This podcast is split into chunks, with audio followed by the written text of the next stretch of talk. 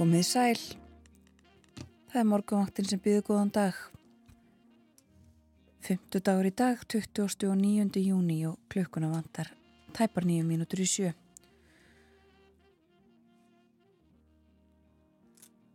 Og hér setja vera Ítluðadóttir og Þórun Elisabeth Bóadóttir. Verðum hér til klukkan nýju.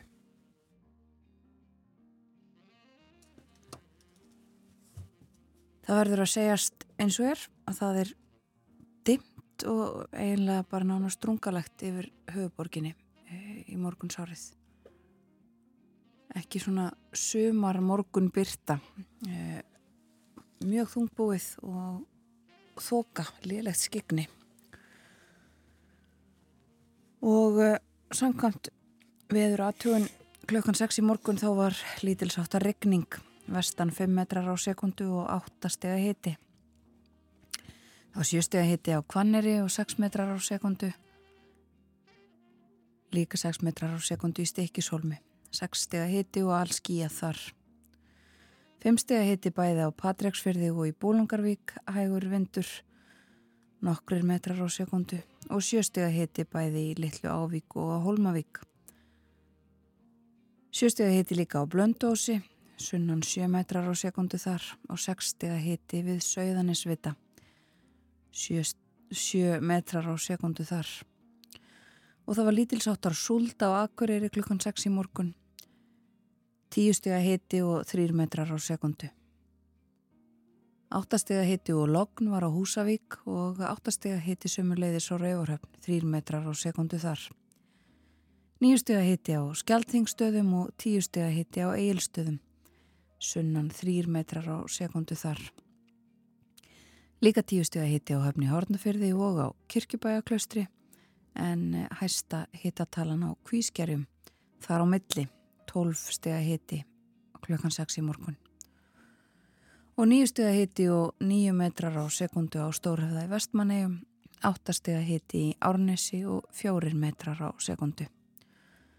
Kaldast uh, í sandbúðum á Hólendinu þryggjastega hiti þar í morgun fjórastega hiti í Veiðvatnarhaunni og fimmstega hiti á Hveravöllum sekstega hiti svo Káranhjúkum Já, svona er eða var veðrið fyrir tæpri klukkustund síðan en þá er að sjá hvort að þetta breytist eitthvað eða hvernig þetta verður í dag.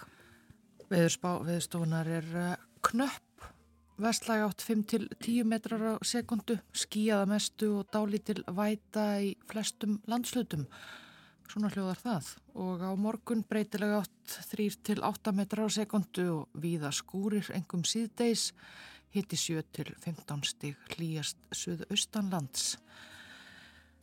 Í hugleðingum veðufræðings uh, segir áfram frá læðinni sem að veldur veðrinu. Lægðin sem allir austan stormi við suðurströndina á þriðjudag er enn að stýra veðranu hjá okkur, skrifar veðurfræðingur. Þegar þetta er skrifað snemma á 50. smotni er lægðin stött við norðurströndina. Hún veldur vestlæri átt í dag og víðam að búast við vætu. Minsta úrkoman í dagvarður vendanlega á suðausturlandi og austfjörðum en þar má þó búast við einhverjum drópum. Á morgun þokast áður nefndi lægð til norðurs og verður miðja hennar yfir landinu. Lægðin verður þá orðin gömul og þrýsti flateneskja í miðju hennar. Stundum er þá talað um flatbotna lægð. Það þýðir að vindur nær sér ekki á stryk á morgun. Vindátturður breytileg og hraðin 3-8 metrar á sekundu. En er þó nægur raki eftir í lægðinni og morgun má víða búast við skúrum.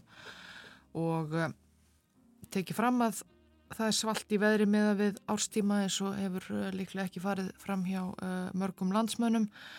Ef sólinn næra brjótast í gegnum skíahöluna þá fer hittin í 15 til 16 steg skrifar viðu fræðingur og það er helst að það nái að gerast á Suðausturlandi. Einmitt það og uh, við skulum hér þar sem ekki er útlitt fyrir að sólinn brótist í gegn. Hlusta á lag sem að, að minnstakosti fjallarum sól og sömar þetta er lag sem að feðgininn Magnús Kjartansson og Margret Gauja Magnúsdóttir gerðu frægt uh, í uh, söngvakefni sjóhansins Sólar Samba eftir Magnús uh, hljómsveitin Gós tók það upp á sína arma gerði sína útgáfi fyrir nokkrum árum síðan. Og skulum heyra þau syngja Sólar Sömbu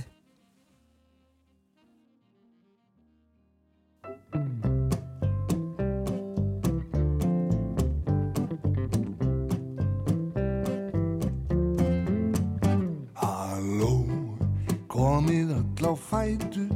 Öll á fætur og Fínt er veðrið borginni þar sér í takt Sjáuð hvernig lífið lætur. Það er lílegr en nokkur orð fá sagt. Þetta er algjör bongo blíða. Og básúnur og trommur hljóma þrumu vel í dag. Frá hljómskálanum sömbutónar líða út í loft. Þegar lúðra sveitin þeitir heitan brag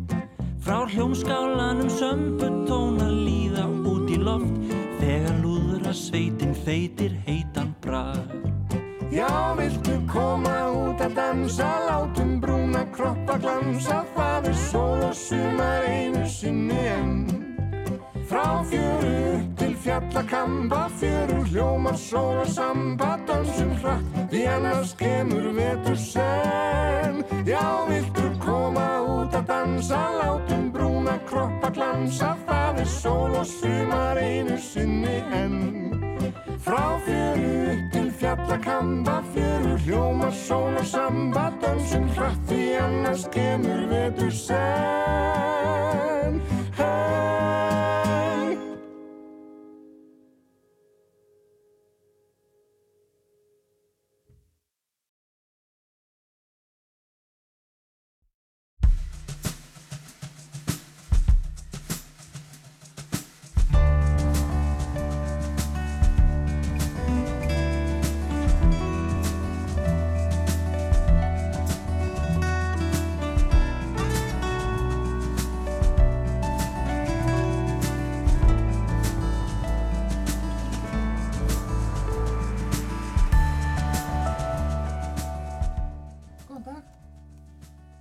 Góðan dag, morgunvaktin helsar 5. daginn 29. júni. Umsjónamenn eru Vera Illóðdóttir og Þórun Elisabeth Bóadóttir. Og við ræðum félagana fyrverandi Pútín og Príkosín þegar að bói Ágússon sest við heimsklukkan upp úr klukkan halv åtta. Staða Rúslandsfósetans hefur veikst eftir atbyrðina um síðustu helgi þar sem að vagnarliðar Príkosíns tóku yfir hernaðarlega mikilvæga borg og voru nálættið að fara inn í Mosku. Við ræðum um þá og sikva fleira þegar að bói sest niður hér klukkan halv åtta. Í þessari viku fer fram í hörpu stór alþjóðleg ráðstefna um efnafræði stórringja á milli samenda. Hvað er það? Já, einn forsvarsmanna þessar ráðstefnu, Pál Þóruðarsson, getur vonandi frætt okkur eitthvað um það hér síðar í þættinum. Pál er profesor í efnafræði við Háskólan í Nýja Söður Veils í Sydney í Ástralju og sérfæðingur í RNA kjarnsýrum. Hann er líka bondasónur úr Vopnafyrði. Pál verður gestur morgumaktarinnar að loknum morgun fréttum klukkan átta. Og tilkynnt var um breytingar á leikskólakerfinu í Kópavogi í gær. En þeim er ætlað að skapa meiri stöðuleika og velíðan í leikskólum, börnum, foreldrum og starfsfólki til hagspóta. Leikskólastjórnir Gerður Magnúsdóttir og Sóleikiða Jörundsdóttir voru báðar í starfsóknum sem lagði breytingarnar til og það er alltaf að koma til okkar í síðasta hluta þáttarins og ræða um tilugurnar og lífið í leikskólanum. Já, það er uh, dimt yfir höfuborginni þennan uh, morgunin. Regningalegt, þungbúið, uh, jáfnvel drungalegt. Höfðum við á orði hér í upphafi þáttar.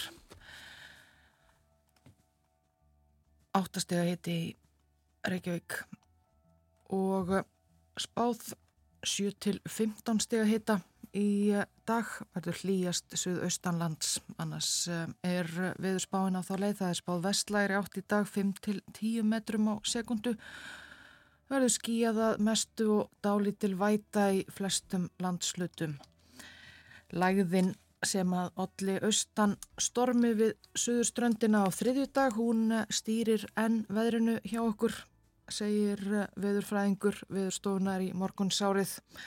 Þessi lægð er núna stött við norðurströndina og veldur vestlæri átt sem að blæsi dag og vætunni sem að má búast við. Minsta úrkoman verður væntanlega á Suðausturlandi og Östfjörðum en þó þar má líka búast við einhverjum drópum. Þessi lægð þokast svo á morgun til norðurs og þá verður miðja hennar yfir landinu. Þá verður lægðin orðin gömul eins og uh, veðufræðingur útskýrir í hugleðingum sínum. Og uh, svo kalluð þrýsti flatneskja í miðju hennar eða flatbotna lægð eins og stundum er talað um.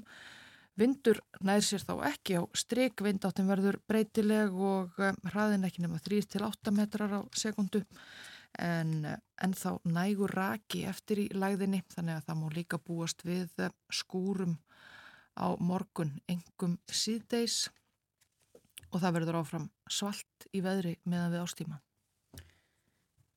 Emið það, meðan við ástíma já það eru að koma mánaðum út fyrsti júli á laugardaginn. Og það er nú svona hefðbundin stór ferðahelgi, fyrsta helgin í júli en uh, kannski ekki veður sem að kvetur sérstaklega til þess. Ekki hér á þessu hodni landsins í það minnsta. En uh,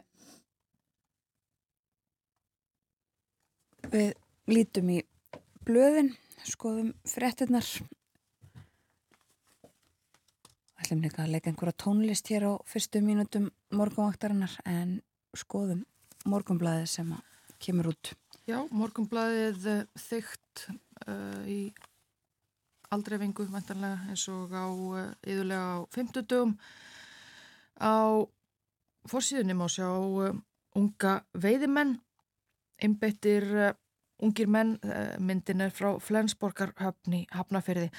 Þar fór fram hinn árlega dorgveiði keppn Hafnafjörðar í gær. Þessi keppni er hugsuð fyrir börn á aldrinum 6 til 12 ára kefti dorgi og veitt verlaun fyrir flesta fiska, fyrir stæsta fiskin og eh, einnig fyrir förðu fiskin 2023.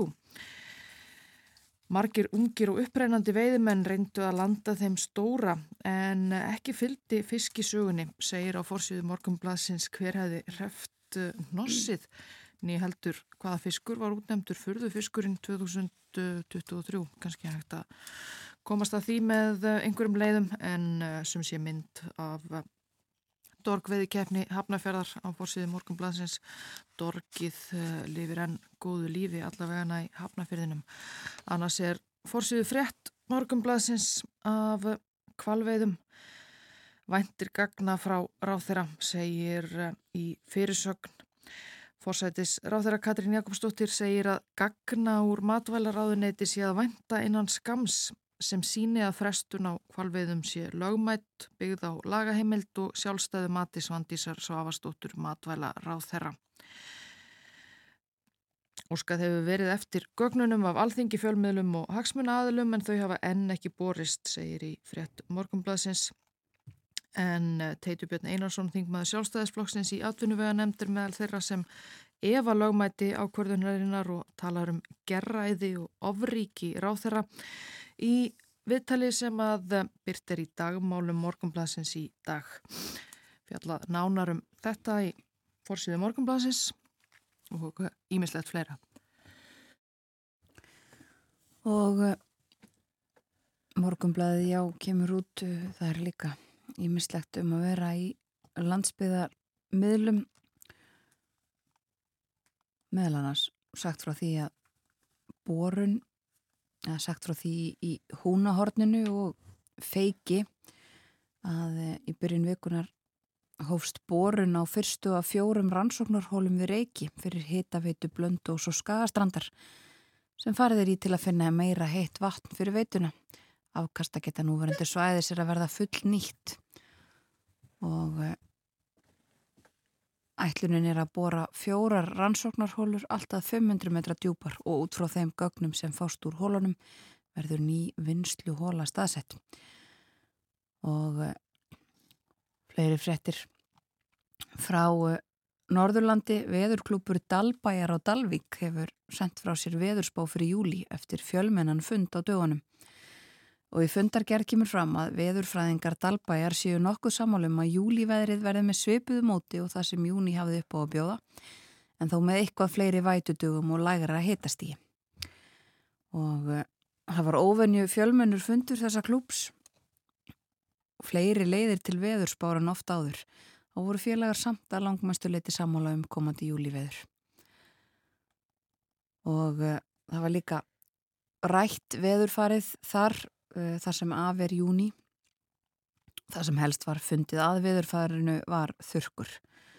Enda mánuðurinn verið dásamlegur eins og það er orðað á stór Dalvíkursvæðinu. Það var helst solbrunni og almennt hitastlinn eftir uh, sjóðheitu sólardagana sem að trublaði fundarstörf. Já, uh, veður blíðunni miskipt á landinu og uh, verið afskaplega gott viðrar verið til framkvæmda og það er fjallaðum það líka í, á akureyri.net að nú búið að loka kirkjutröppunum á akureyri. Þar verða ekki í bóði sem samgönguleið, korki uppni niður næstu mánuðina því að vinna er hafinn við endurbætur á tröppunum frægu. Og meira frá Akureyri, það eh, verða þar tónleikar í kvöld. Una Torfadóttir eh, með tónleika í hofi, það er ókipis inn. Þeir eru klokkan 5 í dag og eh, það gildir einfallega fyrstur kemur, fyrstur fær, segir í frettum norðulensku miðlana. Tónleikarnir hluti af og styrtir af listasumri og uh, við skulum hlusta á Unu. Þetta er lag sem hún tók upp hér í efstaleiti fyrir Studio Roof þættina.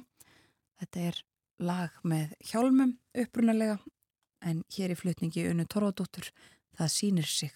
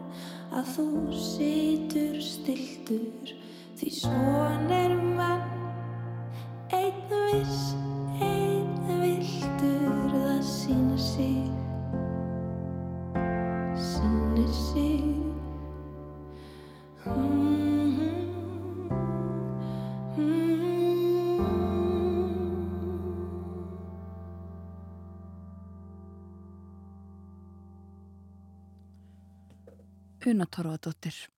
Það sýnir sig heitir þetta lag. Lag sem er upprunalega með eh, hljómsveitinni Hjálmum.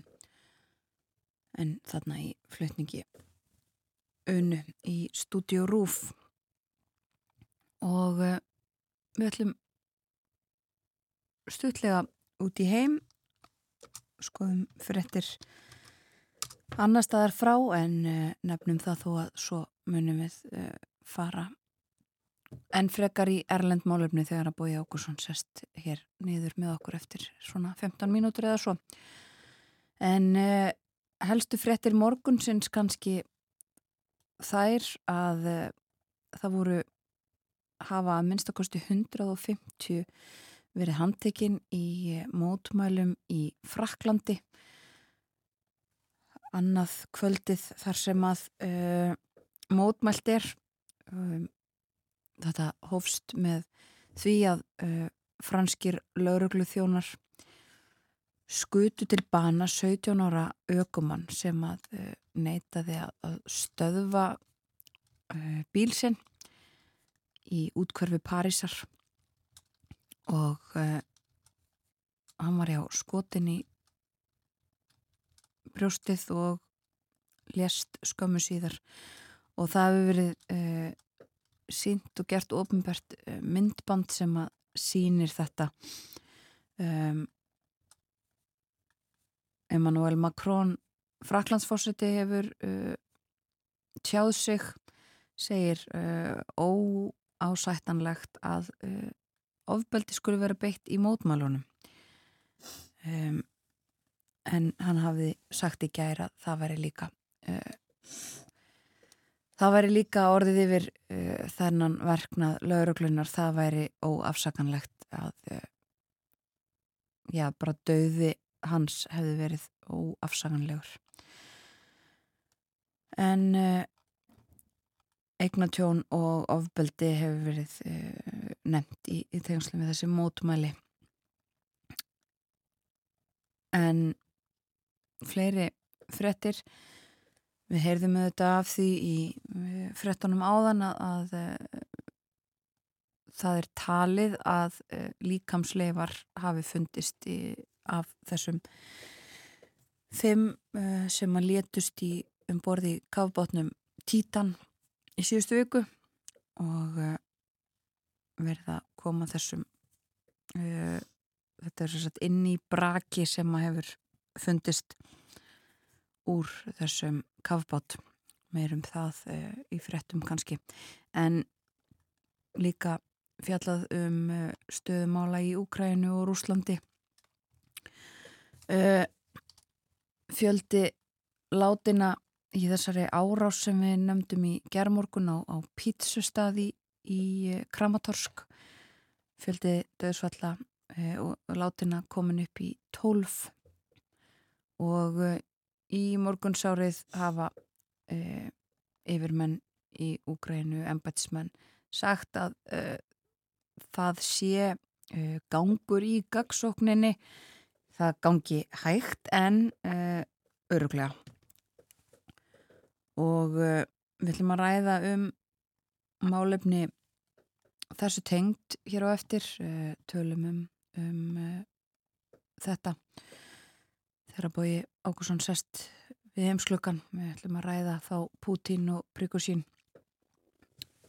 fórsetta Rúslands og yfirmann Vagner Sveitana en uh, á fórsíðun á Svenska Dagbladet í Svíþjóð er uh, mynd og umfjöllun um uh, það að tveir hafi verið handteknir og færðir í varðhald lauruglu eftir að hafa brent kóraninn á Sötermalm í, í Stokkólmi og varaði því að svona aðgerðir geti uh,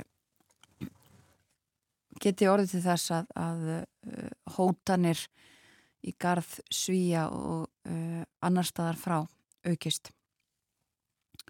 Og nefnum það líka að það er heilmikil umfjöllun í dagins nýheter í dag þar sem að bladamadur sænska dagblasins hefur farið fór til Thailands rætti þar við 77 manns sem að uh, fóru til Svíþjóðar til þess að vinna í berja skóum eh, dreymdu um betra líf en tala þarna meðal annars við konu sem að sem að segist hafa tímt yfir fjögur þúsund kíló af berjum án þess að þjena eina krónu.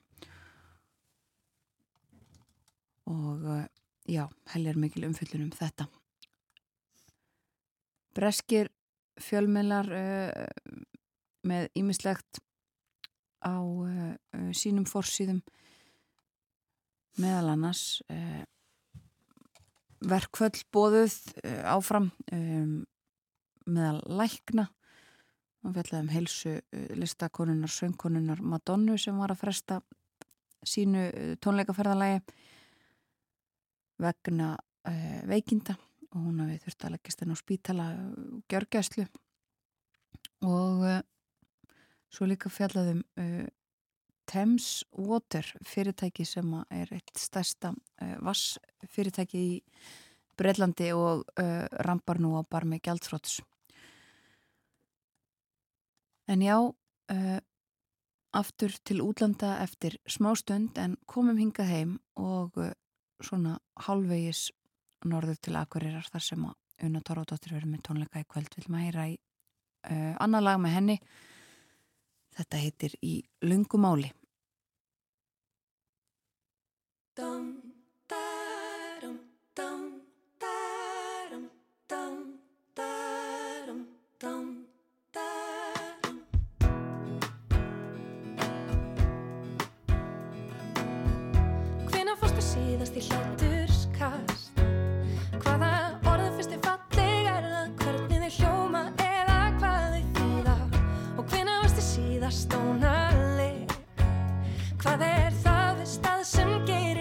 svara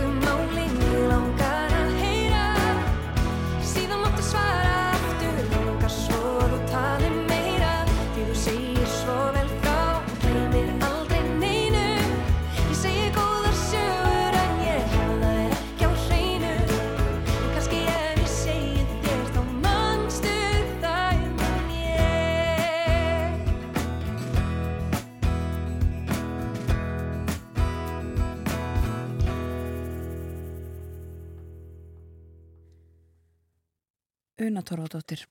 Í lungumáli heitir þetta lag. Bói Ágússon er að koma sér fyrir hjá okkur. Sest við heimsklukkan eftir stuttastund fyrst hleypum við að auglýsingum og frettastofunni með yfirleitt morgunfretta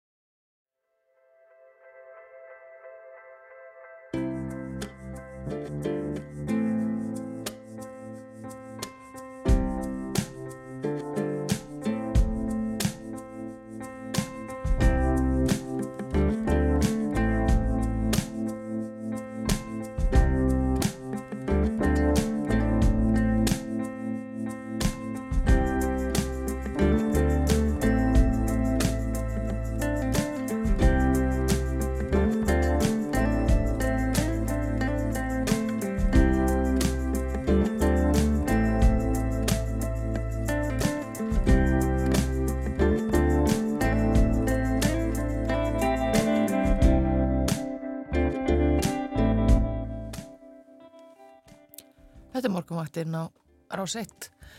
Fretta hefur leitað baki klukkan orðin rúmlega hálf átta. Það er 50 dagur í dag, 29. júni og eh, eins og nær alla 50 daga þá er eh, Bói Ágússon að koma sér fyrir við heims klukkan. Hvernig sætt Bói? Góðan blessaðan daginn við erum á Þórun. Góðan dag, við ætlum að tala um fyrrum félagana Putin og Príkusín hér á eftir en uh, við nefndum hérna rétt áðan uh, upp úr sænskum fjölmjölum uh, kóranbrennu á mm. Södermalm í Stokkólmi uh, og við ætlum aðeins að, að fara yfir þetta. Það er vara við því að þetta geti haft afleðingar fyrir svíja og það verðist vera að gerast. Já, sko það er sænska örgislaurglan Seppo hefur sagt að þetta auki líkur á hriðiverkum í Svíþjóð og uh, menn spyrja sig sko af hverju leifa svíjar þetta?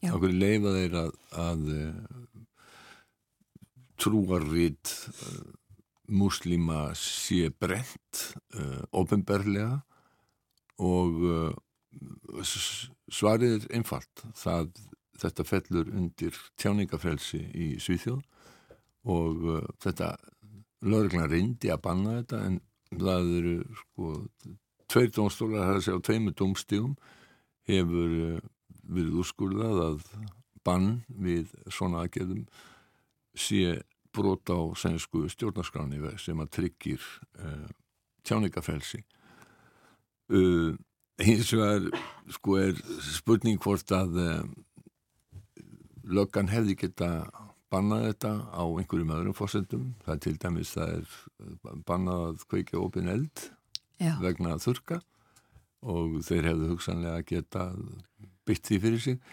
um, og það er uh, þannig að uh, og svo er líka einhver ákvæði um uh, aðtapnir sem að eru hattusorðræða og maðurinn sem að stóð fyrir þessu hann hérna, er núna verður daginn fyrir rétt ásakaður um, um einhverjar uh, um brota á lögum.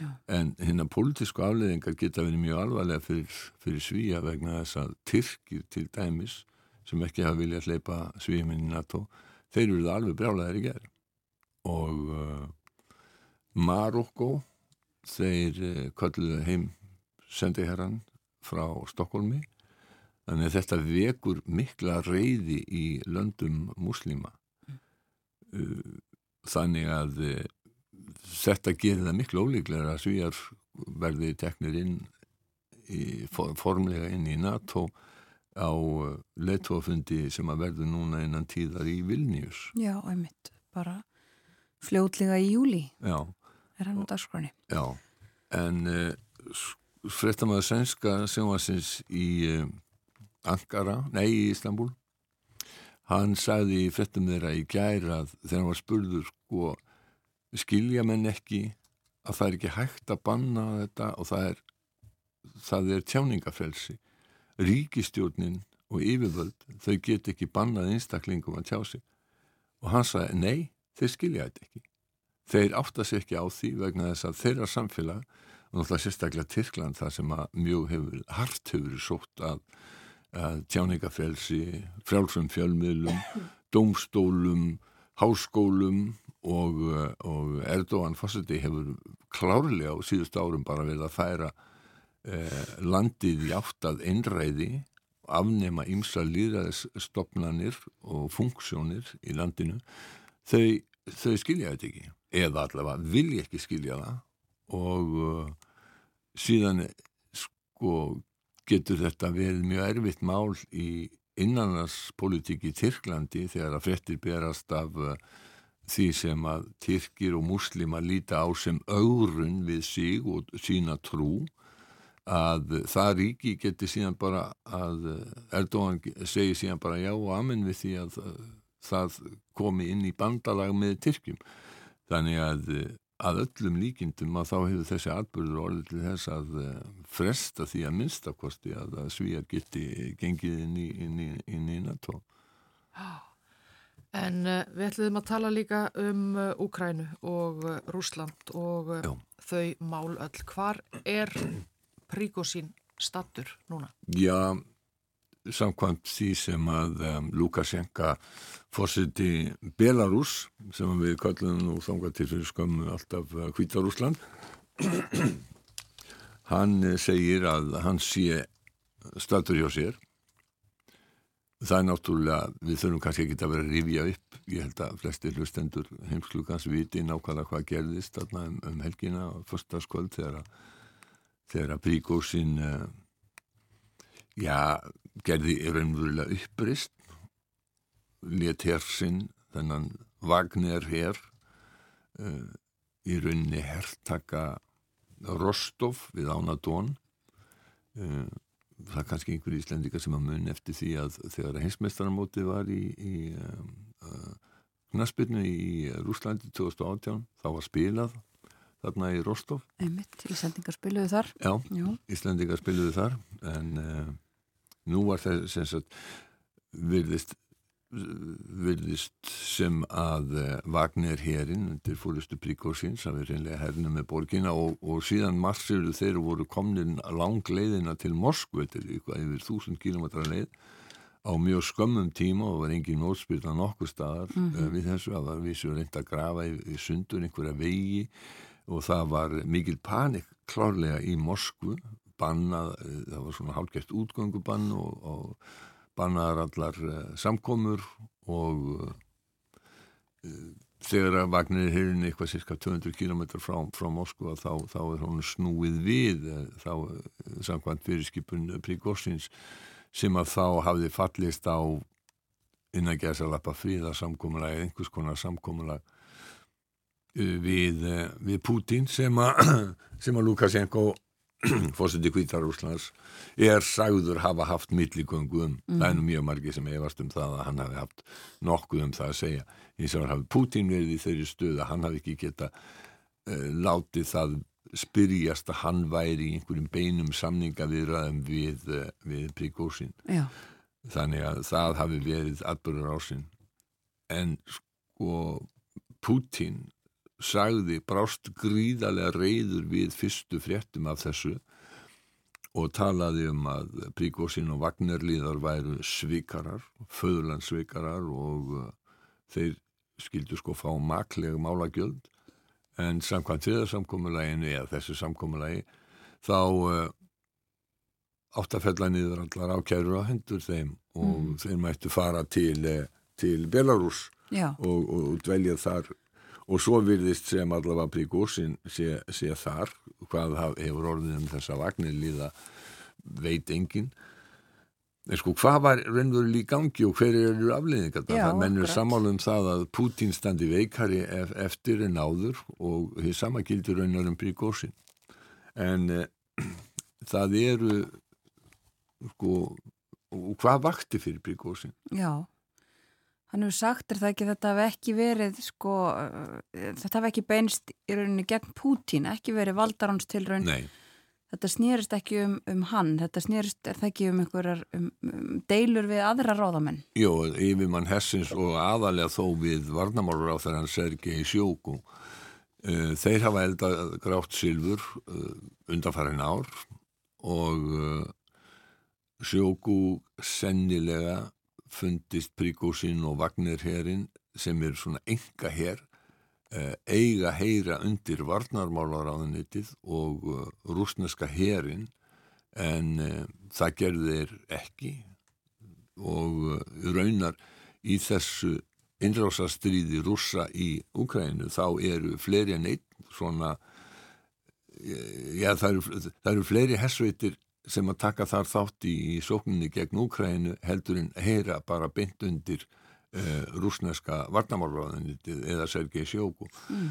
uh, og það er ekki bara vagnarsveitirnar það er líka sömu leiðis uh, er, er sveitir frá, frá Tjetjeníu og einhverjir aðrir engaherri, einhverjir hafa talið upp alltaf, alltaf, alltaf þetta sé alltaf tugur. Manni finnst þetta óskaplega sérkennilegt fyrirkomulag. Þetta eins og sumir fréttaskynundur hafa um, bent á er svona daldi klassist hvernig eh, Vladimir Putin hefur stjórnað. Hann eh, sko það var eh, Mark Galeotti sem er eh, breskur eh, professor við Royal United Services Institute.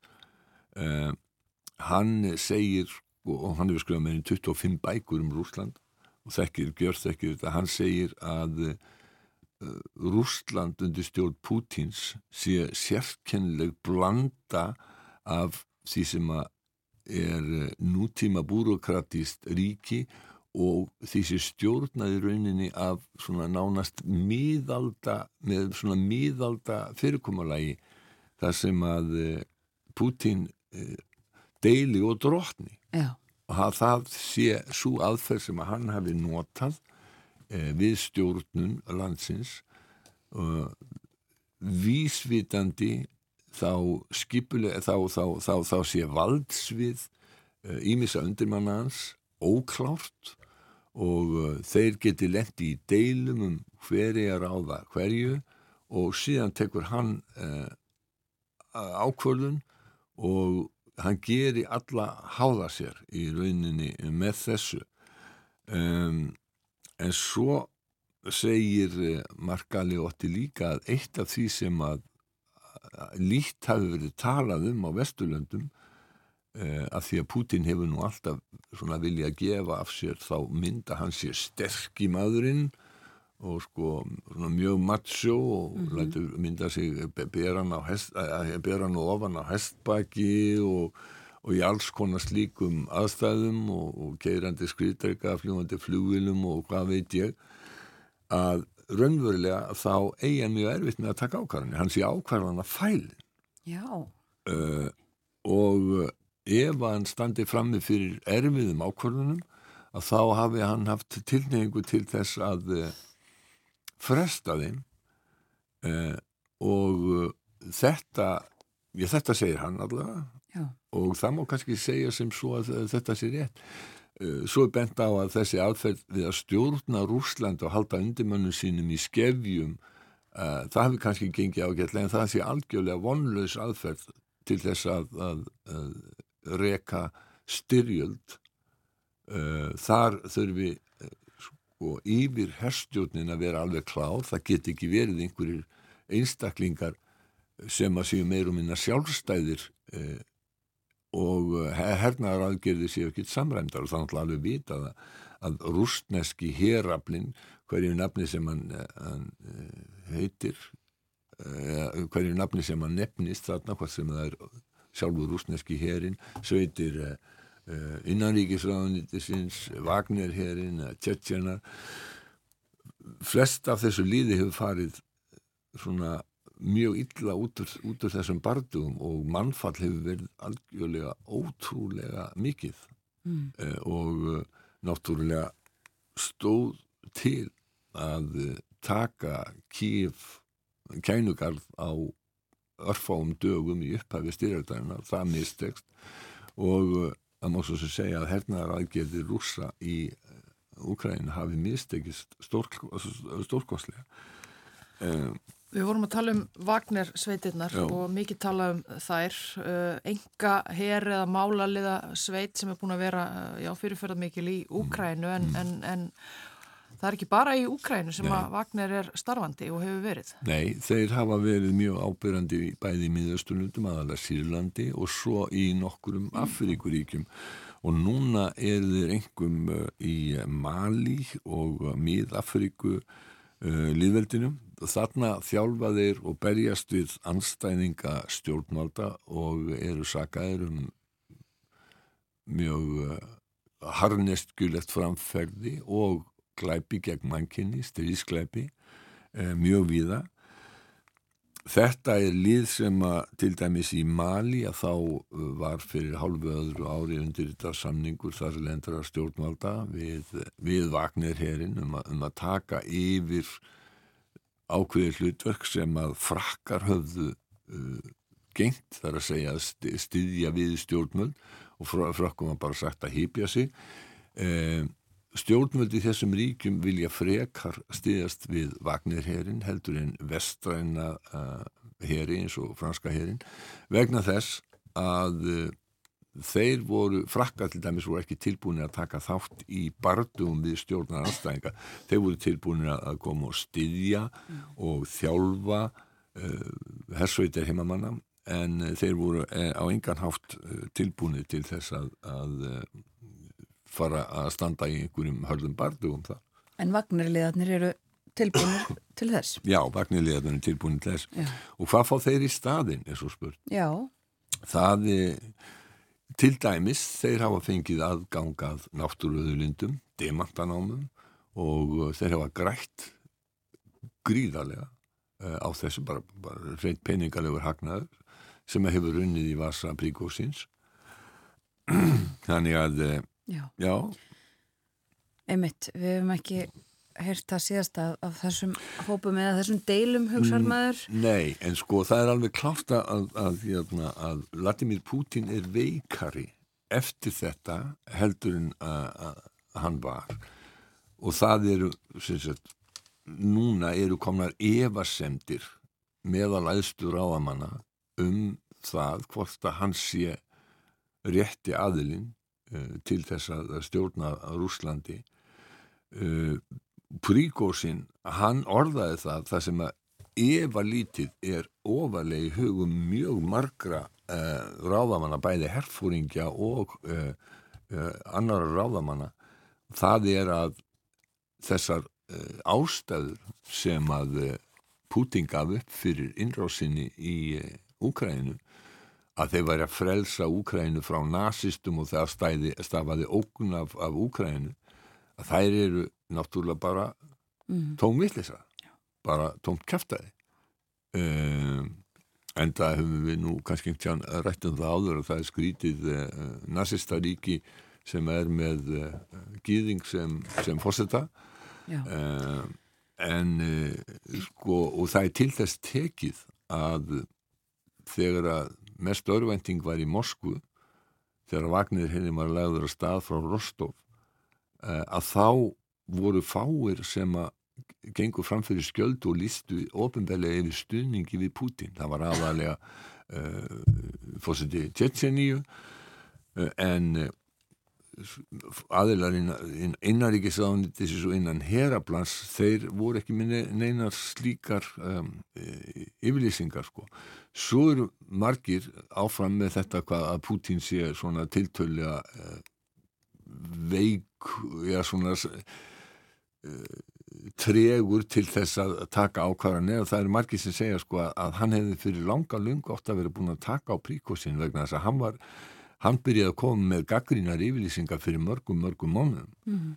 uh, og nú sé að menna og Albert Jónsson sagði það í viðtali við okkur uh, í fréttum sjónvarsins á sunnudaginn að, uh, Putin er því sennilega styrkja sig í sessi og afla sér stuðnings aftur uh, um, vegna þess að að, að hann þarf að hann þarf í rauninni að sína sínum undimannu fram á að hann sé nú rosalega töff kall eh, eftir, eftir að, að, að eftir allt sem að hérna, gengi hefur á Já. og það verði ekki gert öðruvísi heldur með hörkulegum aðgerðum eins og Albert spáði árásum á, á, á innviði í, e, í Já, Og og, almenna borgara. og almenna borgara sem að já, núna þá var, var, var, hérna, var ráðist á, á, hérna, á pizzustadi í Kramartorsk Akkurat. uh, og það er alveg saman hvað rússar segja og hvað þeir hafa haldið fram að það getur engin, það getur engin staðið á því að pítsustaður í Kramatorg sé hernaðarlega mikilvægt uh, eða jafnvel, jafnvel, jafnvel innviðir uh, sem að sé réttlætanlegt að, að ráðast á. Já, þannig að hann muni halda þessu áframfara í enn harkalegri aðgerðir Mm. og, og hvað með príkósín? Já, það er nefnilega það. Hvað með príkósinn? Það eru margi sem halda þeir fram að Putin hafi ekki efna á að láta príkósinn halda áfram að gaggrína sig og aðra í Moskvu frá Belarus.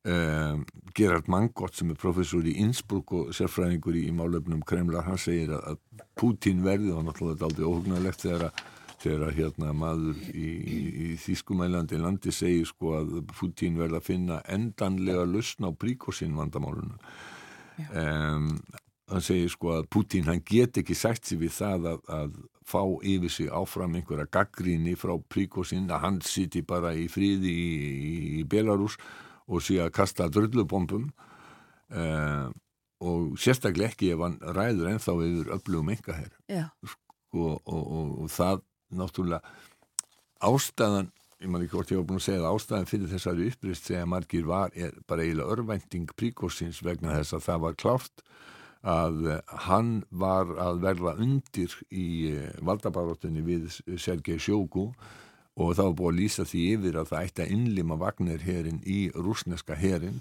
núna bara 1. júli uh, hvað verður síðan um Wagner herin í Afríku? Það er óvist það er alveg algjörlega uh, klárt að rússar og, og uh, stjórnin í Kreml þau vilja ekki missa þau ítök sem það hafa náð í mörgum ríkjum í, í Afríku í gegnum Wagner-herin þannig að uh, þau reyna sennilega að yfirtaka þær aðgerðir og það sem að Wagner-herin hefur staðið í þar og þetta er eins og ég sagði, þetta er í Mali, þetta er í Líbíu, miðafriku líðveldinu, þetta er í Mosambik og þetta er í Sútan og öðrum ríkjum, það sem er, það er mest í þessum ríkjum, öðrum ríkjum hafa líka haft hérna, einhver, einhver slík áhrif. já. En Putin sagði eins og þú nefndir hérna áðan að, príkósín er ekki sóttu til saka, hann, uh, en er líklegt að, að það standist? Er það kannski það sem hann hefur til þess að, að þakka niður í honum? Nei, hann síðan sko síðan helt Putin aðra ræðu þar sem hann ítrekkaði að, að þetta veri landráð og svik og, og uh, að vísu gætu vagnir líðar uh, ef að þeir færi annarkvort til, til Belarus eða bara leiðunnið vopn og færi heim til sín þá getur þeir sloppið við ákæru en það eru mjög margir á Vesturlöndum sem að, að telja að eins og þessi austuríski professor að uh, það sé já, að Pútín hann verði að, að finna lausn á þessu innan gæðsalapa vandamáli sem að príkosin er. Annarkort með að þakka niður í honum endanlega eh, komunum í útleð til, eh, til Afríku eða búa svo um hnútana hann geti ekki tjáð sig hvað Já, það eru margir sem að segja, sko, haltu þið frá opnum gluggum príkosinn, ef genið príkosinn, verður ekki nálagt því því að það er náttúrulega margir anstæðingar uh, Putins sem að hafa dottið út um glugga. Akkurat. Og svo líka eitthvað rætt um uh, möguleikan á því að, að uh, hann verði sagaður um, já, spillingu og skattsvik og, og eitthvað, eitthvað sleikt Já, sem er það- líka þekkt dæmi. Það, að- það er mjög þekkt dæmi. Það er þegar hafinn rannsókn á fyrirtækjum príkosins uh, þannig að það er alls ekki ólíklegt að hann uh, endi eins og mjög margir aðrir anstæðingar dæmdur fyrir spillingu, fjárdrátt og eitthvað annað slíkt. Við fylgjum með því. Takk fyrir í dag, Bói Ákusson. Takk sem er leiðis.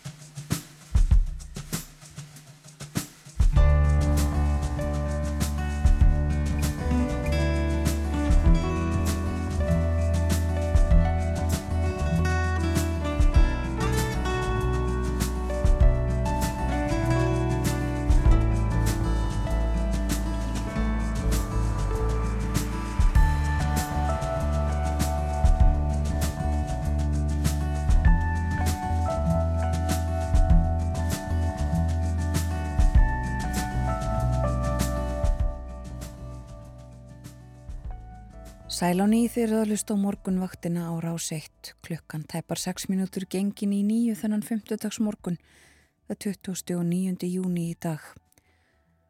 Og fyrir fréttina rættum við við Bóga Ágússon, hann settist við heimsklukkan. Við rættum um uh, kóranbrennu í Stokkólmi og uh, svo aðalega um uh, stöðumála í Rúslandi og Belarus uh, og Úkrænu. Við vorum að tala um uh, fyrrum félagana uh, Vladimir Putin, Rúslandsforsetta og, og Príkursín leiðtóa Vagner sveitana málarlega sveitana uh, sem að hafa barist fyrir rúsa og eins og við fórum yfir líka mikilvægir rúsum í fjölmörgum Afríkuríkjum og það er svona uppi óvisa um það hvað verður með þau mál núna? Príkusín komin til Belarus og uh, í uh, komin þangað uh, eftir atbyrði síðustu helgar sem að hlustendur kannast líklega flestir við. Við bói fór yfir svona mögulegar ja, mögulegar afleðingar af þessum atbyrðum öllum Og svo minnum við á það að hér á eftir upp úr klukkan halv nýju þá verða hjá okkur Gerður Magnúsdóttir og Sólei Gíða Jörundsdóttir. Það eru leikskólastjórar í Kópói. Er alltaf að fara yfir uh, breytingar sem að kynntar voru í gær uh, að verði gerðar á leikskólakerfinu þar uh, á að gera alls konar breytingar til þess að reyna að bæta aðstæður og líðan allra í leikskólum barna, starfsfólks og líka fóreldra.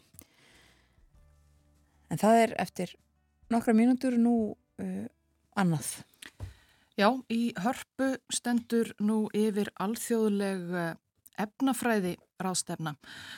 Hún ber heitið á ennsku International Symposium on Macrocyclic and Supramolecular Chemistry vona ég fari vel rétt með þetta og uh, það mun útleggjast á íslensku sem efnafræði stórringja á milli samenda.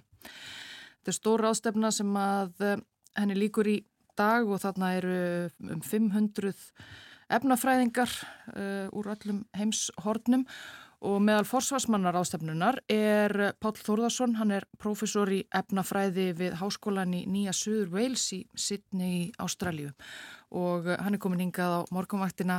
Verður velkomin Pál. Já, takk vera. Fyrir um, okkur sem erum uh, leikmenn, getur þú útskýrt í stuttumáli um hvað þessi ráðstefna snýst?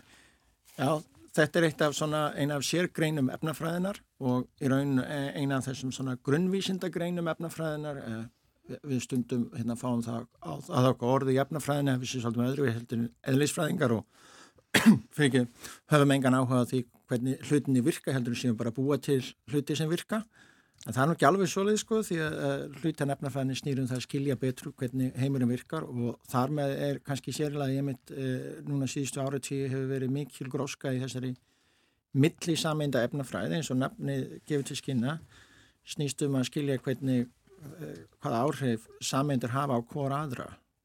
Og að, þetta er náttúrulega undirstæða alls sem við þekkjum sko því að kannski eina efnafræði sem að sem ykkur vita er að vassameindin er úr tveimur hérna, vettnisameindum og einu e, e, e, einu súröfnisatómi segi sem mynda eina sameind. En þessi sameind einu sér gerir ekki neitt. Það er ekki þegar það koma saman einhver ákveðnum uh, í magni sem að virtelver virt, uh, virt verður til eitthvað sem kallast vatn. Og það er með svona skemmtileg svona hérna diskursir í gangi hvað það margar var saman til þannig að komið vatn en það var eitthvað sem hefur þá eiginlega sem vatn eins og við þekkjum það eins og frostmark og annað.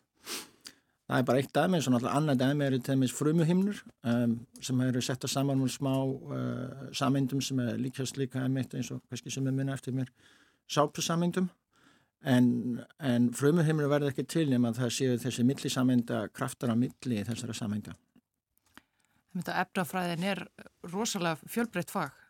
Hún er það, hún er það og, og, sko, og, og þó að fólk kannski þekki meira efnafræðinum það sem, það sem er gert með efnafræðina, hvort sem það eru líf ný plastefni, ný efni til þess að hérna, kvarfa vettni og svo fram eftir að þá er líka mikið um grunnrannsöknir svona undir niðri og þessi rástefna snýst miklu meira en um það heldur en endilega hvað geti svo komið að gegni úr þessum rástefnum því að við vitum eiginlega ekkert um það í mörgum tilfellum fyrir kannski eftir einhver ára tíu. Nei, þið vitið ekkert hvort það sem þið er að gera komið að einhverju gagni.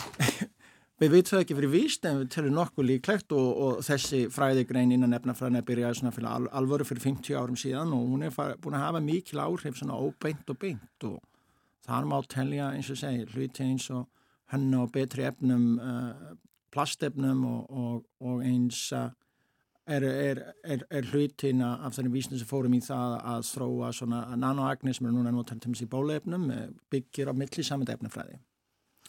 Og þetta er uh, heljarinnar stór ástefna, hvernig er hvað, 500 manns?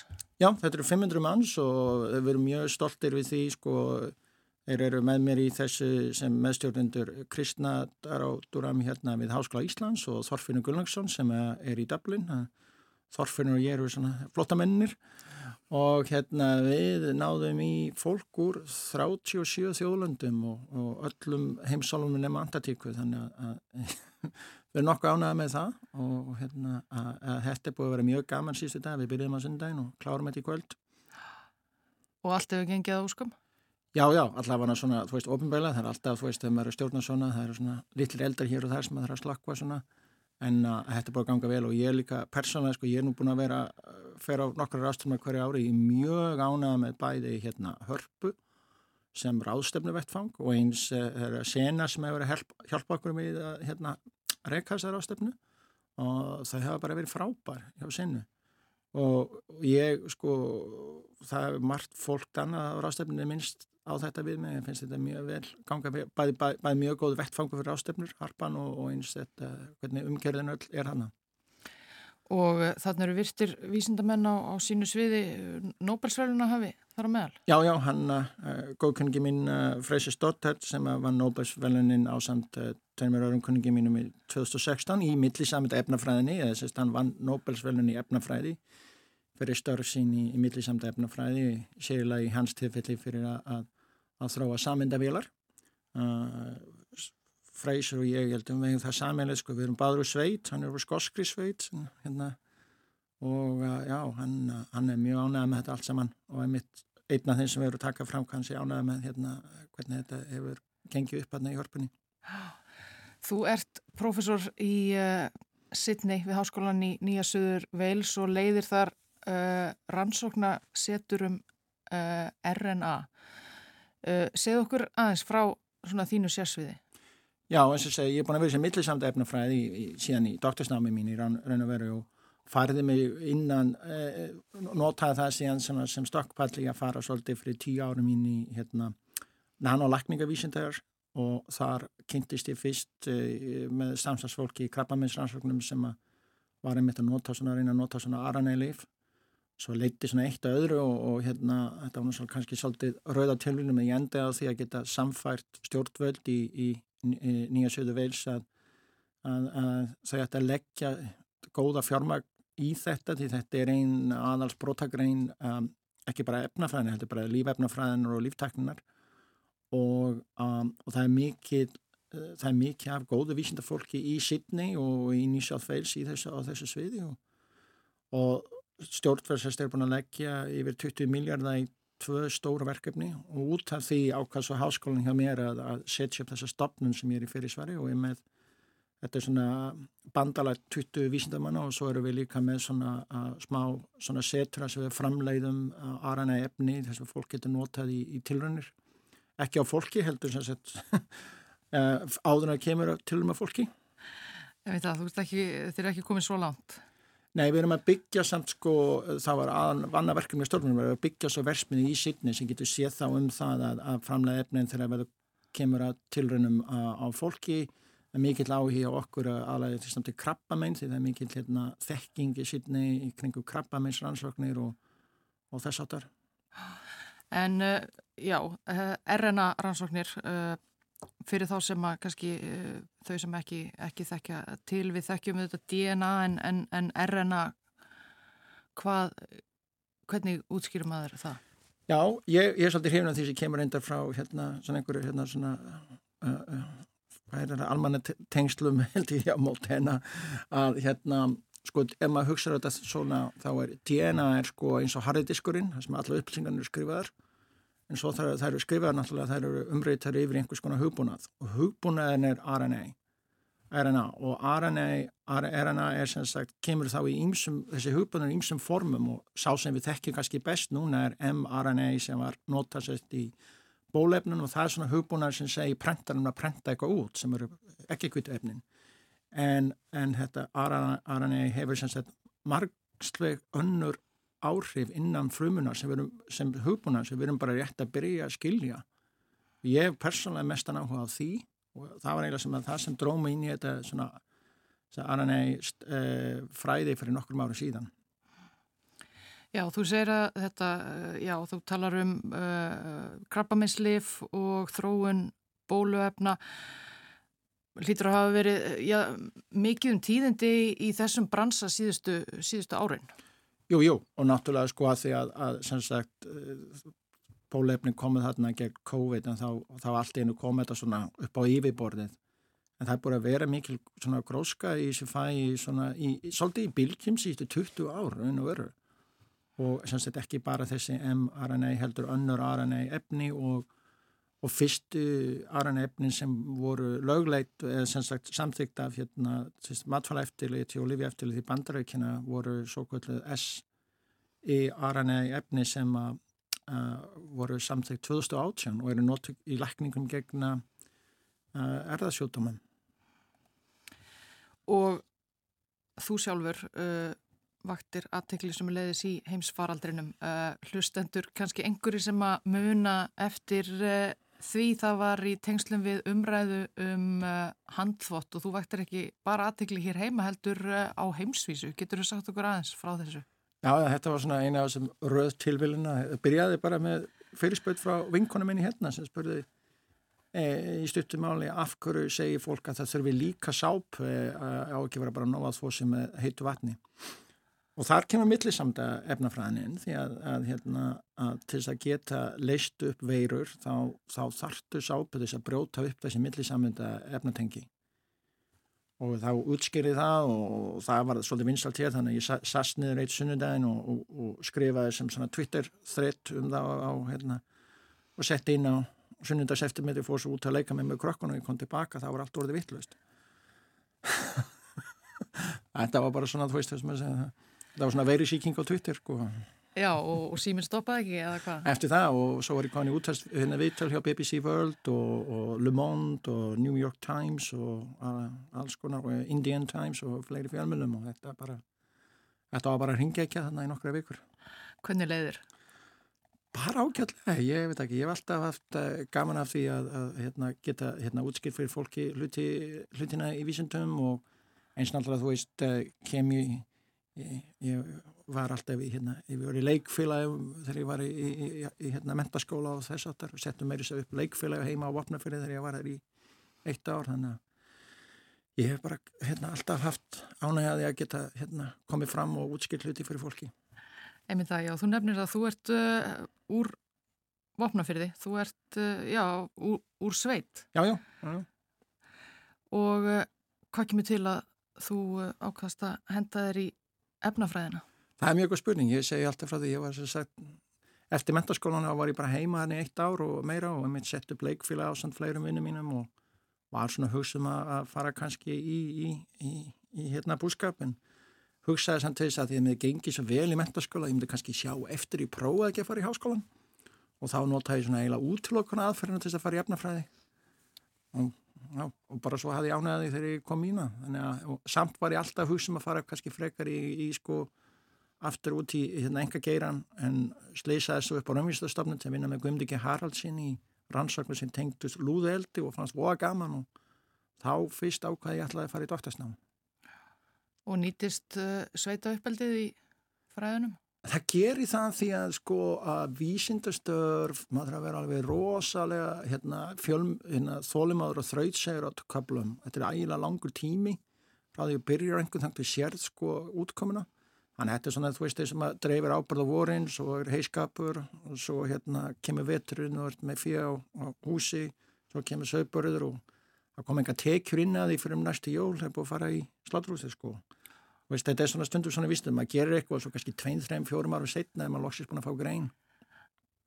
Einmitt það. Uh, þú ert, í, já, þú ert professor í Sydney, hvað ertu búin að vera lengi í Ástralíu? En núna er ég alltaf fjórðungur raun og verið sko, sko, þú veist, ég kom á það fyrst fyrir 26 árum og, og svo ég, fór ég tilbaka og var í Hollandi í tvö ári svona, svona, svona postdoc, en ég er búin að vera 20 árum núna samflætt í Sydney og búin að vera ríkisborgari þar í 17 ár held ég. Og hvernig kantu við þig? Mjög vel, það var náttúrulega ástæðan fyrir ég ákveða að fara aftur til Ástrali og setjast það. Ég, hérna bara, mér líður mjög vel að það og að mér finnst það, sko, þú veist, kannski er mitt útsker en Ástrali er svona einhver staðar, mér finnst það svona hæfilega góð blanda af því sem er gott í Evróp og í Bandaríkanum. Án þess að sé mikið af kvöllunum. En langt að fara heim? Það er eini gallið, það er langt að koma inn að heim. Það væri ágætt ef það væri komin svona einhver svona eldflögalæri eða eitthvað svolítið. það kemist þetta klukkutíma. Hvernig finnst þér svona vísinda og fræðarsamfélagið í Ástralíu í samanbyrði við, við Ísland? Er, þetta, er þeir sko, framsagnari? Þegar ég kom ánga, það var náttúrulega stór munur á miklu meira, miklu meira í gangi og miklu meira framsagni hér. En ég var nú bara að segja eins og ég er búin að vara, vara upp í háskóla í síðustu viku og ég er nú bara mjög hérna hrifnað sér að gerast hérna og eins og hann, ég var hjá Eiríkri Stengrimsinni sem er frendi minn náttúrulega, það er gengur að gerist á Íslandi að hafa að benda að það er 1400 manns hérna í, í líf, vísinda og teknikeiranum og ef maður yfirfæri það að vera höfðartölu sko, þá er það meira heldur en í bandaríkjum og í tjánakim Ástralíu og mörg, náttúrulega langflæstum löndum. Þannig að sumulegi er þetta orðið allt öðruvísi hérna. En skalinn skiptir náttúrulega máli. Það, sko, það eru 25 miljónir manna í Ástralíu og hvað núna verða 400.000 400 hér. Þannig að veist, það er bara hluti sem er ekkert hægt að gera hér út af skalanum sem við getum gert En öðruleiti er ég mjög, eh, já, samabóri kannski hérna var fyrir alltaf fjörðingi, þetta er allt annað svolítið, hérna. Mikið breyst?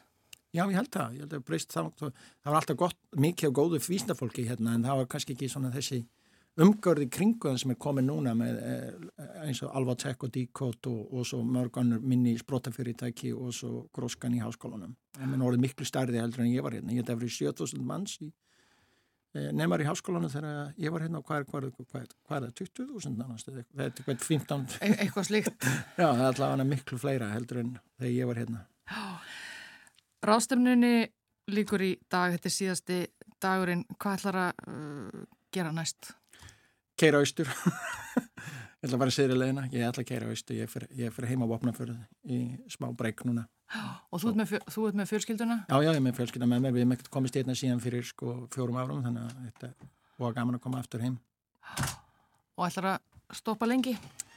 Ja, við förum aftur út sem miðan júli, þannig að þetta er svolítið stopp. Langt, þetta passar akkurat fyrir vetrafríð hjá krökkunum sko í skólanum okkur í Ástralíð. Það er, er miðvetur. Já, og eiginlega vetrar veður hér líka, má segja. Já, það er mjög lítill munur á veðrinu. Það er akkurat einmitt svona núna heima sem ég bý, ég bý svolítið svona upp svona 600 metra yfir sjáamáli, þannig að það getur jafnvel einstöku sem við snjáa hjá okkur en hérna, að, já, veðrið er mjög svipað núna hérna heima og heima. Suma veðrið á Íslandi svipað og, og vetraveðrið í Ástralíu. Pál Þórðarsson, professor í efnafræði, þakka þér kærlega fyrir kominu á morgunvættina. Já, takk fyrir vera. Þetta er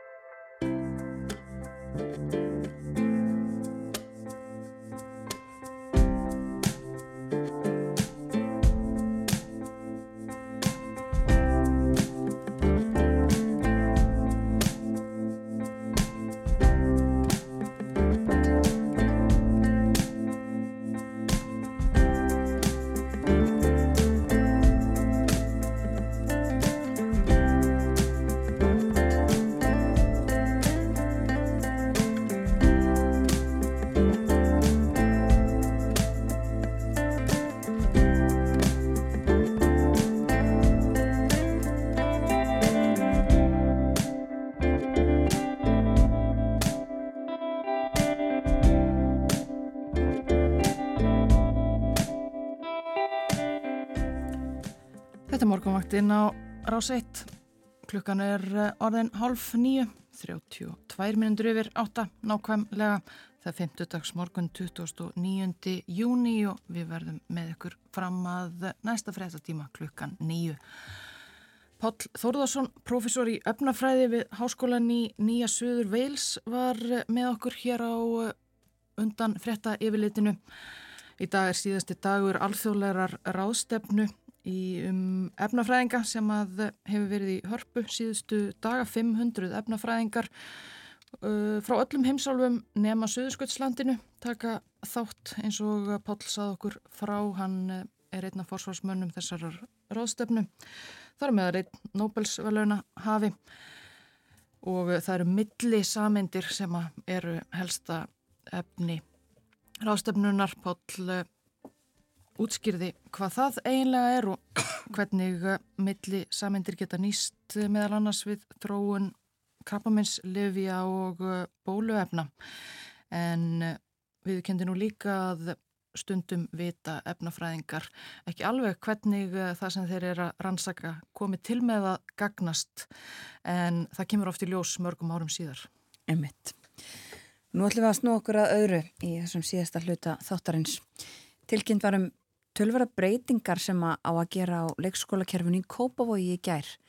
Breytingunum er ætlað að skapa meiri stöðuleika og velíðan í leikskólum. Börnum, foreldrum og starfsfólki til hagspóta eins og það var orðað.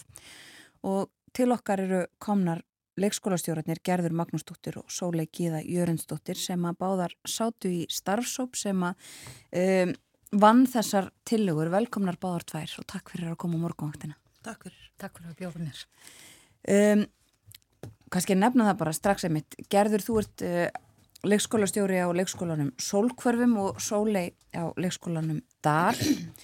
Um, og uh, ég ætla að byrja á að byggja okkur um að segja okkur frá því uh, hvenar og hvers vegna var ákveðið að skipa þennan starfsóp sem þið uh, sátuð í og ráðast í, ég ætla allavega að skoða á þeim tímapunkti að, að fara í breytingar á kerfinu.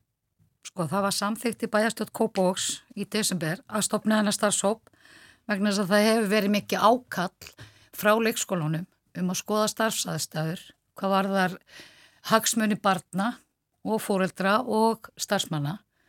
Og uh, í þannan hóp voru settir uh, 13 aðilar, þannig að allir hagsmunni hópa sem koma að leikskólanum, bæði frá félagsamtökum, fóreldrum, kennurum og, og menta sviði Kópavóks mm. Eh, sátu þarna saman nokkra fundi og greintu stöðuna og fóru yfir þá möguleikar sem væri hægt að það er vekkferð sem Kópavóri er núna að leggja staði Já, sem að við erum mjög stoltar af.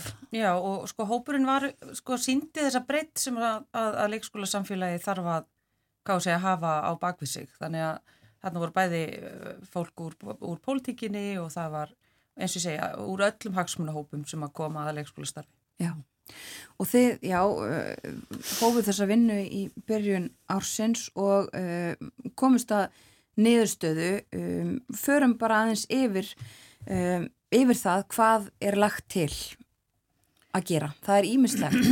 Sko þetta eru 13 tilugur og uh, sem eru, hvað að segja, misviðamiklar. Stæstu tilugurnar eru kannski þessar sem að snúa að 6 eh, tíma gjaldfrálsum eh, leikskóla og, eh, og þessum hérna sagt, því að leikskólanir ætla að, að samræma þessar, þessar frí, þessi frí sem að, að hérna, geta þó orðið í dimbilvíku millíjól og nýjás og, og vetrafríum. Mm -hmm. Það eru kannski svona þessar svona um, dramatísku breytingar og, og kannski það sem fólk kemur mest til, til með að hérna, bregðast við Já. en auk þeirra eru tilugur sem, sem snúaði að hækka starfsflutfall aðstofa leikskólastjóra að fá húsumsjónarmenn sem eru, eru ákallið þetta bara úr leikskólanum til þess að bæta þetta Já. umhverfi Já. og fleira. Förum umdans yfir þetta, uh, Ástís Kristjánsdóttir bæjarstjóri sagði mitt sko þessi tillega um gjaldfrjálsan leikskóla í sex tíma á dag, hún er kannski rótækasta tillegan um, um, og það er þá þannig að öll börn eru, hvað er það ekki, millir nýju og þrjú sem á að vera svona? Jú, tímin verður að vera, sagt, þú verður að reyna að vera búin að hefja þína sex tíma þannig að þeim ljúki fyrir klukkan þrjú. Já. Og, Það er þá í senasta lagi klukkan nýju. Akkurat. Akkurat og, uh, og þá er það gjaldfrjálst og uh, klukkutímandir samt uh, til viðbútar við það verða uh, tölverð dýrar en þeir eru núna eða er það ekki? Jú, Það er stemt að því að það verði hérna, eh, sem sagt, hvað var að segja, hækkunin verður í þeim tímum sem að, að, að bætast við umfram þessa sex. Já, það er ljósta að í dag borga fórættrar 11% af því sem kostar fyrir barnið þeirra og bærin kemur til með að setja nýja gjaldskrá með við þetta og Já. þetta verður hækkun. Og en í þessum tilugum er líka verið að passa upp á að verja þá sem að eru tekjulegri þannig að tekjutenging kemur inn. En gjaldskráin kemur ekki út fyrir en bæjaráðu búið samþykjana í byrjun júli En það er gert ráð fyrir því að, að gjöldin hækki fyrir einhverja uh, en markmiðu auðvitað líka að sem flestir uh, geti stitt tíman sem börnin er í leikskólanum, er það ekki? Jú, og það eru þetta, innan þessa kerfis eru þetta ákveðin sveigjanleiki, sem sagt það eru þessi sex tímar uh, sem þú, þú getur byrjað frá klukkan halv átta og, og, hérna, og, og þá byrja þeir að tikka inn eða þeir geta byrjað sem sagt í seinasta lagi klukkan nýju uh, og það hefur þetta verið bóðið upp og þá í leikskólum Kópavóks að það sé þú sért ekki eins alla daga. Já. þannig að það er ekki þar með sagt að, að, að sem sagt ef að þú þart að eiga langan dag einhverja daga í vikunni þá þarf ekki að, að bæta þeim tímum við alla dagana. Þannig að það er auðvitað eitthvað sem að, að, að ég er alveg vissum að fólk kemur til með að setjast yfir og bara horfa á í fjölskyldu saminginu sínu hvernig þetta geti nýst uh, fóreldrum best. En, en sko hugmyndin á bakvið þetta er auðvitað það að, að hérna uh, að bæta gæði leikskólastarfs og að við leggjum á stað í þá vegferð að, að komast aftur á þann stað að, að bara geta 100% sint í hlutverki sem að leikskólanum er lagt upp með að sinna sem er mentunar og, og, og sá hluti og hérna og það er auðvitað bara þegar við hlaupum eins og hamstrar á, hjóli bara til þess að reyna að retta hlutunum þá er hægt við að börn og þar alveg fóreldra séu ekki að fá uh, það sem að leikskólinn leggur upp með að, að gera. Já, já, það er auðvitað einmitt, það, það, peningar koma inn í þetta og ímislegt en, en uh, þið sögðu mér það einmitt hérna líka áðan að það var þannig að börnin voru alltaf, þau eru aðalatriðið þannig. Já, sko, Kópó hérna, sem sagt, er barnvænt sveitafélag og það má hérna hrósaðum fyrir þetta hugrekki að taka þetta skref vegna þess að við erum alltaf með börnin í forgangi það hjarta slær fyrir þeim að þau fái það besta út úr leikskólastarfinu og við sem fullori fólk til dæmis vitum það ef við erum að vinna í 8-9 tíma þá höfum við ekki úttalt í það og ef að fólk sér þá möguleika að geta leift börnunum sínum að fá það besta út úr leikskólastarfinu á þessum 6 tímum að þá er það, erum við að hugsa um börnin. Uh, síðustu ár hefur verið rosalegt álag í leikskólakerfinu, það við hefum ekki getað ráði starfsfólk og hérna mikil veikindi og það er það sem starfsfólkum var líka rosalega mikið að skoða. Hvað er það sem gerir þetta erfitt og það eru alls konar starfsaðarstæður Kópá eru náttúrulega búin að vera í vegferða laga ímislegt og er ennþá, þetta er bara fyrsta skrefið að við sjáum það að með því að bæði að, að breyta þessu með samræðingu grunnskólastíð með þessar lokanir að, að hérna og gjaldfrjóðsson leikskóla þá getum við kannski farið að vinna betur af þeim markmiðin sem við eigum að vinna að sem við getum ekki í dag þegar vantar fólk, við fáum ekki fólk eða, eða eru mikil veikindi. Og einmitt, hlut af þessu uh, að uh, eins og því nefnið báður, það er bara veikindi, mannekla og það þetta hefur áhrif á, á alla, bæði uh, annað starfsfólk og börnin og Já. þar með foreldrana Já, um, og, og það hefur líka reynst erfitt að framkvæma það að, að svona bætingu á vinnuumkörunni hjá starfsfólkinu, að stitta vinnutíman og, og fleira slíkt. Já. Já, en það er auðvitað þegar að sko við erum hérna, við stöndum alltaf fram fyrir því að, að hérna, hvað að segja, veist, ljótt að segja, þú veist, að dekka daginn. Og, og hérna, og núna er það auðvitað þannig að vinnutími barna er lengri heldur en vinnutími starfsmanna og, og hérna, og, og margir foreldrar hafi auðvitað verið að takast á við það að það hefur þurft að loka, það hefur þurft að vera með lokanir jafnvel sumar deildir eina ein, einn dag í viku eða e, stund sumstar hefur það verið óskipilagt og þurft bara að breyðast við á hverjum degi. Og þetta skapar alveg ótrúlega óöryggi hjá börnum og, og hérna og þetta þessi, þessi, þessi streyta smitast líka út í annað starfsfólk vegna þess að þú veist ef að þú er sá sem að stendu vaktina þá er þú endar kannski með því að þú gefst, gefst upp mm. og hérna þannig að þetta verður alveg ótrúlega vondur vítarhingur og, og við teljum að sagt, með þessum aðgerðum og þá séum við e, að, að hérna við erum að, að, að hugsa um að við getum búið til rólegra, örugara umhverfi fyrir það vermaðasta sem fóreldrar eiga. Og, og, hérna, og þessi festa kemur til með að skila sér í velíðan í starfsmannahópnum. Og, og ég minna að það hafa komið alls konar áskoranir inn, við erum búin að taka inn vinnustýttingu sem er auðbundin réttur og við erum búin að vera að takast á við það að það hefur auknir undirbúningstímar fyrir hérna starfsmenn með fagmentun og, og þetta hefur auðvitað bara ásamt öllum veikindónum og COVID áhrif og þetta, þetta hefur allt saman einhvern veginn hrunið á mm. samtímis og þess vegna er opusleitt hugrekki sem að kópa á sínir að bara virkilega ættalegja af staði alvöru aðgerðir, ekki plástra neitt, eitthvað svona með einhverjum rettingum, heldur bara nú breytum við þessu, við gerum grundvalla breytingar og við leggjum á staði nýja vekkferð með börnin í sko algjörnum fórgangi og það kemur alltaf til með að, að hérna, hafa áhrif á allt fullartnum fólkið í kringum þessi, þessi dásamlegu litlu hérna, viðfangsefni og verkefni sem að lítið börn eru. Og er almennt, sko þið nefndiði mitt í upphafi þetta eru 13 manna starfshópur sem að, e, þar sem eru fulltrúar allra þeirra sem að koma eila að uh -huh. e, bæjarstjórnin og, og, og eru, eru allir sammála og allir jákvæðir fyrir þessu? Það er allavega mín upplifun að hérna ég gegna þetta starf og mikla greiningu á alls konar hlutum og þetta voru fullt af öðrum tillögum sem við vorum með Algjörlega. sem að kannski koma áfram. En hérna mér finnst bara einhvern veginn allir tilbúinir til að fara að draga á streitu hérna horfa á börnin og gera hérna þeirra umhverfi þeirra vinnutíma sem bestan þetta eru viðkvæmustu hérna, verurnar Já.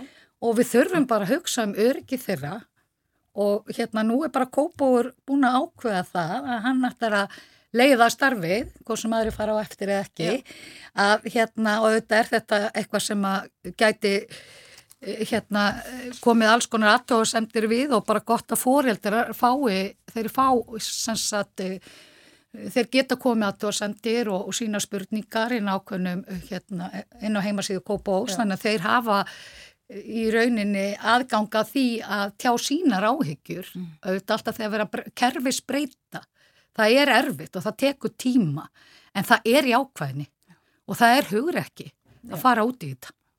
Það er bara þannig.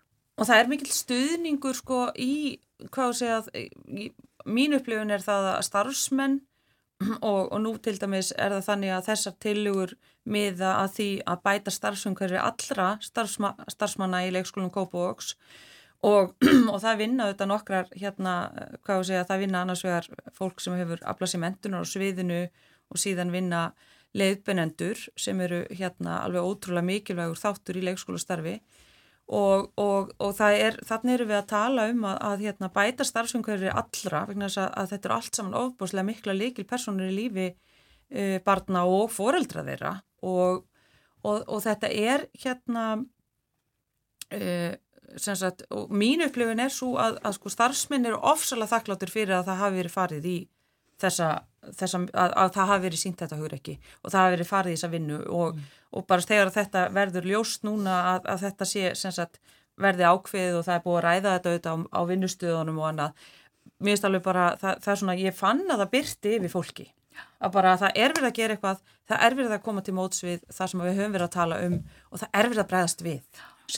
Við eigum ekki bara að setja eitt veturinn í viðbót og eitthvað nefnum bara að reyna að lifa af Já. það er svolítið svolítið Hvað með fóreldra? Hafið eh, rætt þetta eða fengið viðbröð frá einhverjum fóreldrum til dæmis á, á ykkar leikskólum? Ég hef rætt þetta við fóreldra og það eru þetta fóreldraráðin komu að þessu sem einn af þessum hagsmunuhópum, það voru fulltrúar í fóreldraráðum sem var funda sérstaklega með og hérna, hérna oftar en einu sinni uh, Mín upplifun er svo að sko fóreldrar almennt líta á okkur sem einn af sínum aðalsamstagsæðilum og, og, hérna, og þetta skóla samfélag sem að leikskólinn verður, það er það sem að er hérna, fóreldrum er mjög and um þetta skólasamfélag. Þannig að almennt er það bara þannig að, að, að við erum í samstarfi um það að reyna að bæta þessar aðstöður, aðstöðu og þetta er, eru fóreldra búin að verða, sagt, það er bara hefur streyta fyllt þessu ástandi sem hefur verið undanfæran ár og þar alveg hef ég ofsalega trú á því að fóreldra sjáu að við, veist, við erum að, að laga þetta og þeir fóreldrar sem ég hef talað við sjá að það er verið að hugsa til framtíðar til þess að bæta þessar aðstæður mm -hmm. sem að við erum komin algjörlega í þrótt með. Ég held að við höfum bara mikið tröst fóreldra Já. í þessu starfi og hérna þannig að ég hef bara trú á því að, að hérna eins og ég sagði á þannig að breytingar er alltaf erfiðar en ég held að, að við höfum fóreldrahópin alveg með okkur því að þeir vita þá þeir setja þessi hérna börn til okkar þeirra kærasta og treysta okkur fyrir þeim og þeir vita það mm. og vilja að við gerum það besta fyrir þau sem við getum. Já, sko en svo er það þetta, þetta er ákvörðin sem er tekin og tekin í leikskólunum en um, svo vinna foreldrar út um allt í alls konar vinnum og, og mm. atvinnulífið kannski er ekki, eh, ekki komið á þennan stað sem að Kópavór er að taka skrefi átt að. Nei, En það auðvitað, kemur fram í öllu samtali að auðvitað sko, hafa aðstæður fólks breyst á undanfjörðum árum. Veist, COVID gerði ymslegt, uh, það er orðin meiri sveianleiki, fólk vinnur, jáfnvel að ykkur leiti hérna, hluta til heima. Veist, þetta eru aðstæður sem hafa breyst bara gríðarlega bara á undanfjörðum fjórum-fimm árum. Þannig að fólk býr líka, það eru fleiri sem búa við aðstæður þar sem að þú getur aðeins hugsað hérna, hvað sé að þú ert með sveinlega vinnutíma. Uh, auðvitað hérna eru líka mjög margi sem að núna eru komnum í kjæra samlinga sem að miða því að, að, að vinnustýttingin sé, sé komin inn. Mjög margir eru, eru komnum í vinnustýttingu inn í sína kjæra samlinga. Þannig að ég held að sko uh, Kópavogur uh, er þarna stígaskref uh, í þáu til, þú veist, í þáu barna og fórildra og fjölskyldna og ég bara treysti því að núna fari af stað bara umræða í samfélagin um það hvernig getum við gert hérna fólki kleift að vinna öðruvísi þar sem það er ekki búið að finna út úr því. Og, og, og þetta muni bara reynlega breyta því að, að foreldrar og börn geti uh, hvað að segja, stitt vinnutíma sinn og, og notið þess að, að, að þetta er ofsalega fá ár sem að við fáum að hérna, hafa þessi, þessi litlu kríli í fanginu og við bara við eigum að búa til samfélag þar sem við höfum tökað því að vera meira með þeim. Já. Þið nefndu báðar við mig líka uh, sko, samanburðin við löndin í kringum okkur Akkurat. sem að þið þekkið vel mm -hmm. uh, og við erum, já, börnin eru með að það ekki lengri viðveru fleiri Jú. daga og svona heldur en, heldur en víðast hvar annars það. Jú, það er 83% barna í kópa og við með 8 tímaði lengur. Já. Og það, það segir ísa sögu og, og það er það sem við viljum líka reyna að koma á framfæri að þetta er kannski ekki öllum börnum hóllt og fjölskyldan er mikilvægurst. Tengslamyndun við fólki sitt.